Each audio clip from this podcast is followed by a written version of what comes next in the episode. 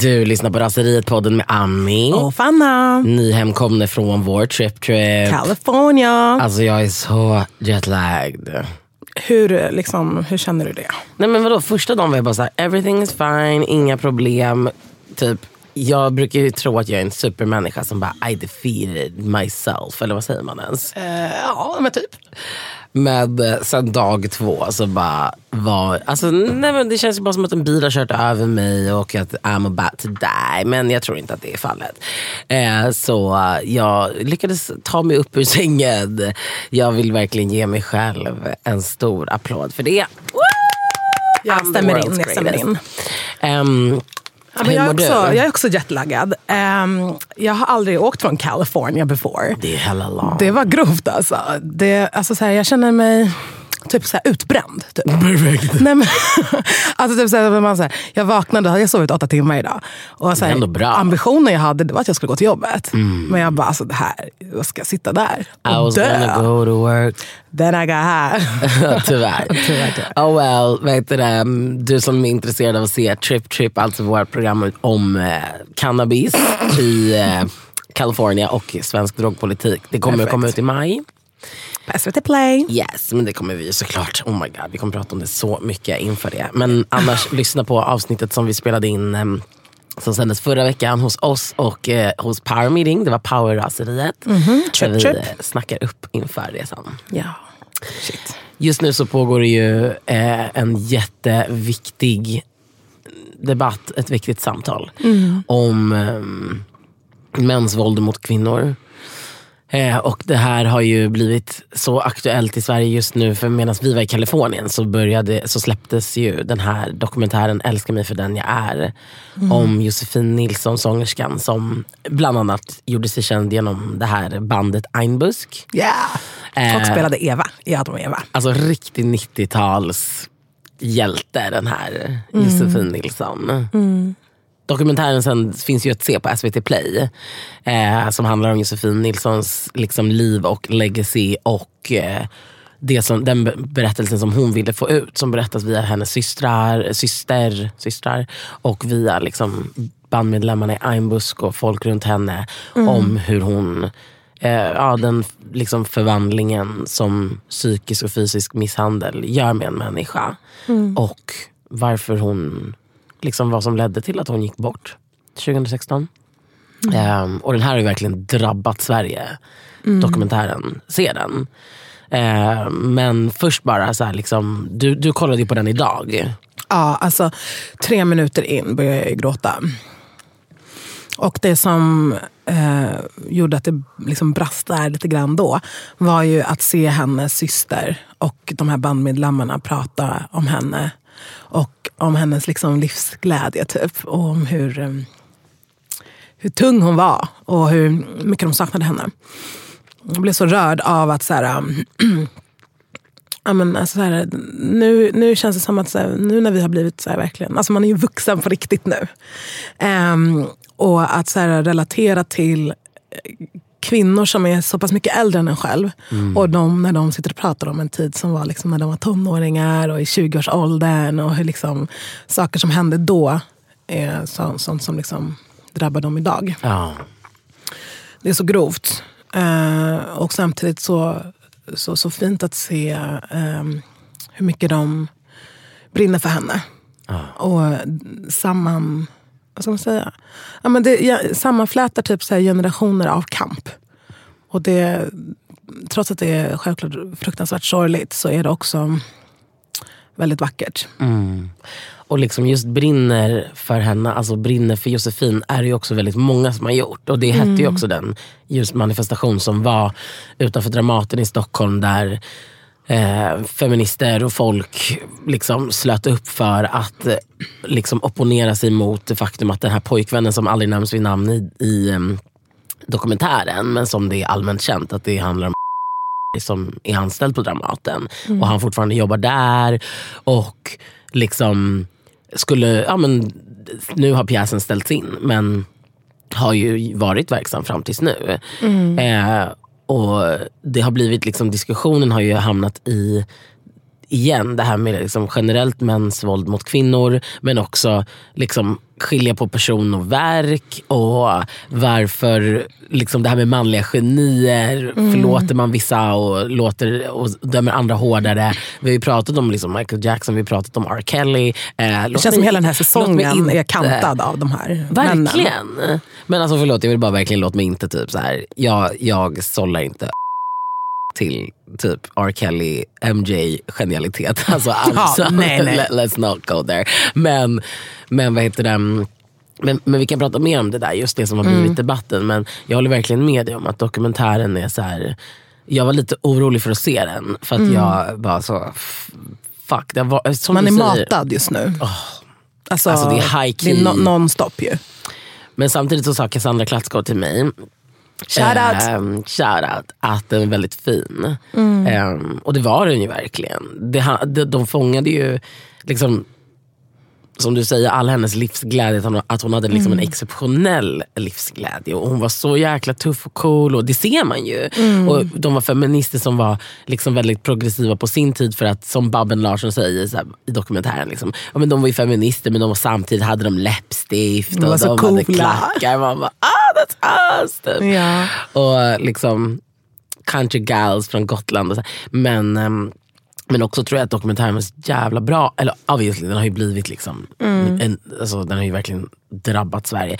Mm. Och, och, det är ju kanske också för att här, Josefin är ju på något sätt, eller var, liksom, en riktig sån svensk sweetheart som, mm. som, som folk liksom så många tusentals människor var berörda av hennes kärlek, av hennes sång och hennes energi. Och då blir det liksom det här som egentligen gäller alla fall utav mäns våld mot kvinnor som är det sjukt svåra att förstå. Alltså hur den psykiska misshandeln förvandlar en människa.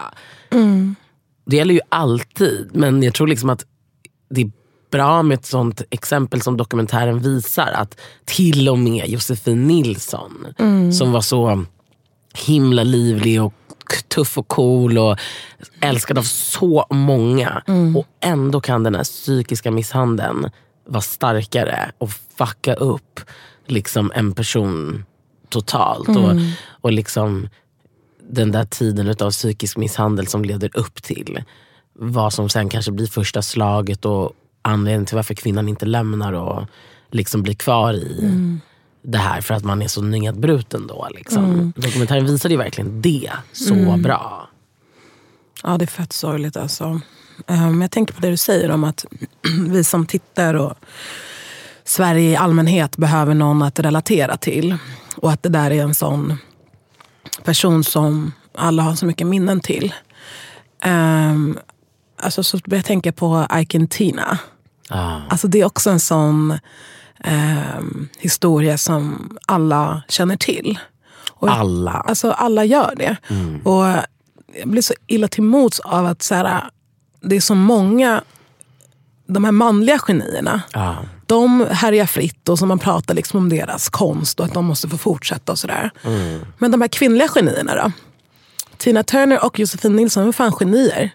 Genier. Och deras konst och deras jobb, det är liksom, de blir bara reducerade till offer. Ah. Och det är de ju. De är ju offer. Och det är alla eh, kvinnor som utsätts för mäns våld är offer.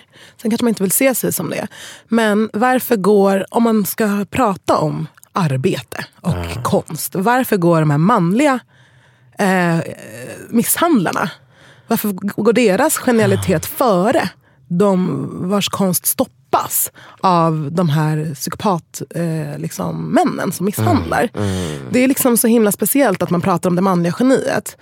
Och man pratar aldrig om det i bekostnad på att de trycker ner en genial kvinna. Ja.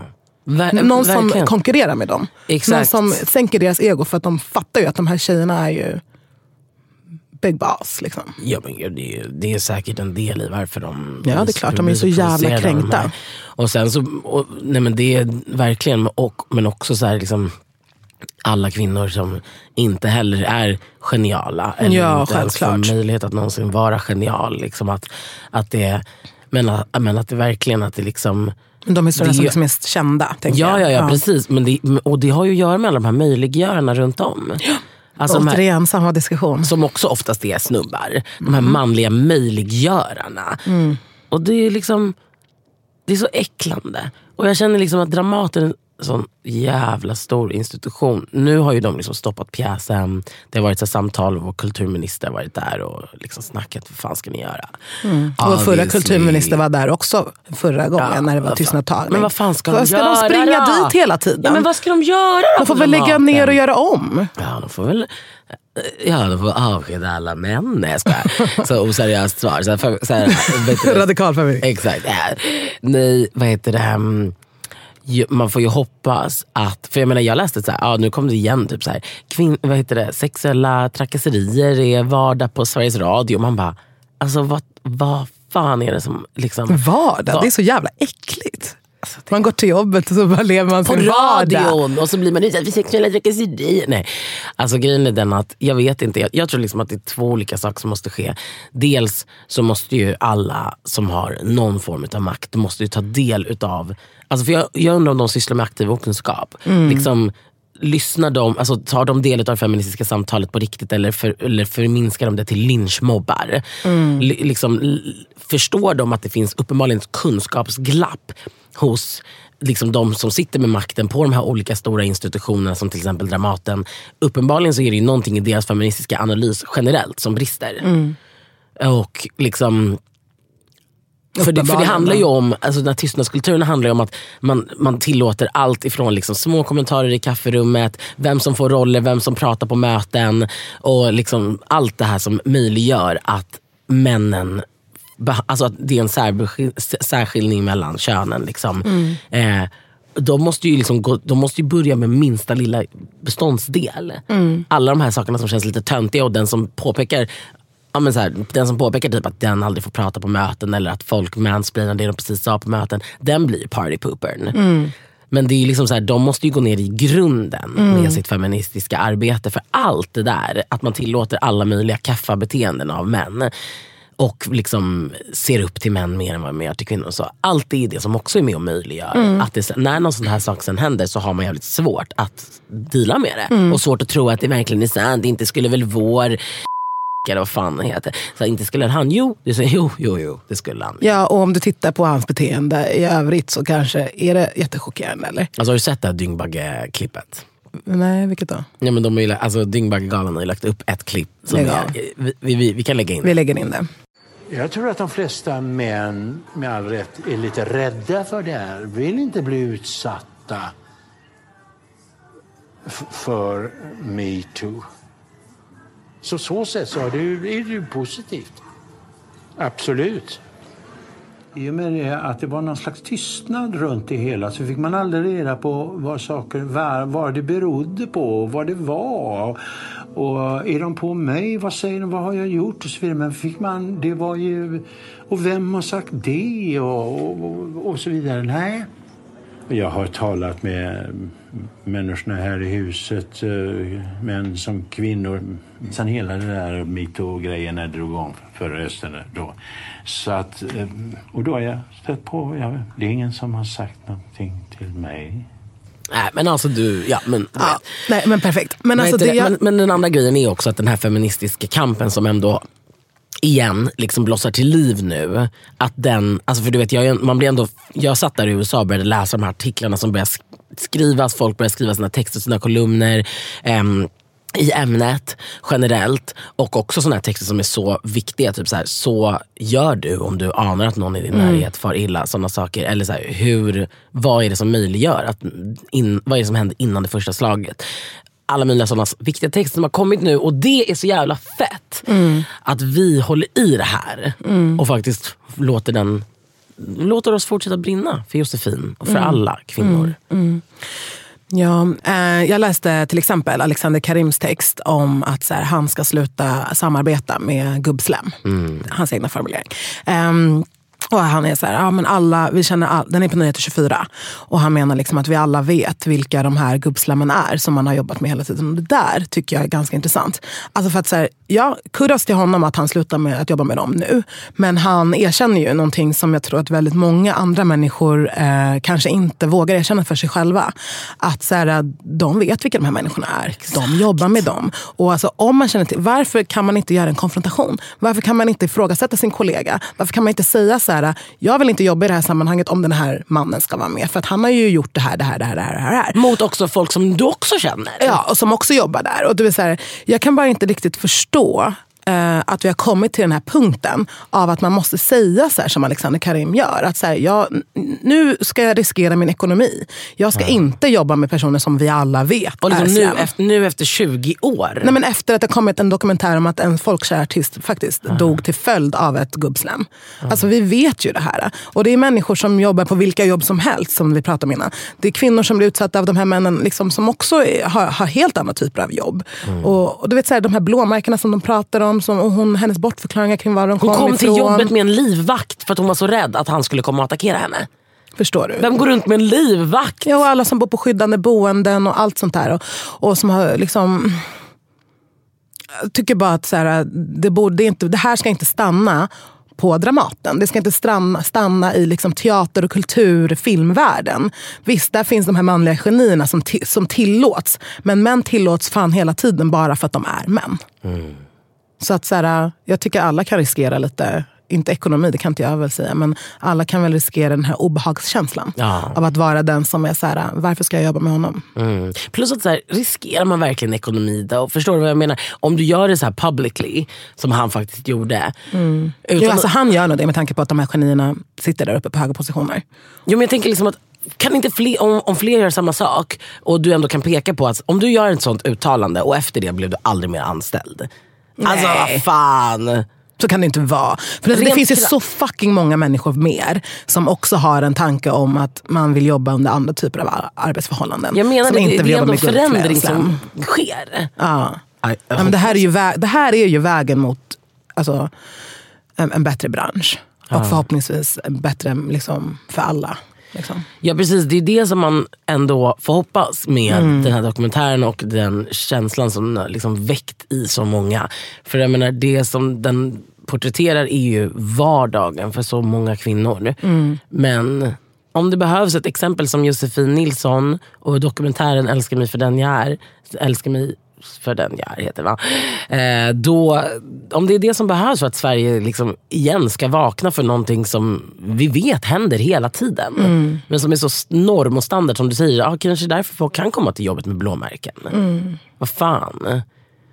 Det är så jävla långa, många steg innan folk ska reagera. Hur kan liksom startsträckan vara så lång? Mm. För att jag, jag, tror att det är för att man, man, vill, inte, man vill inte tro att ens eh, kompis man utsätter den för det. Man vill inte tro att ens bekant, ens arbetskollega är det här svinet.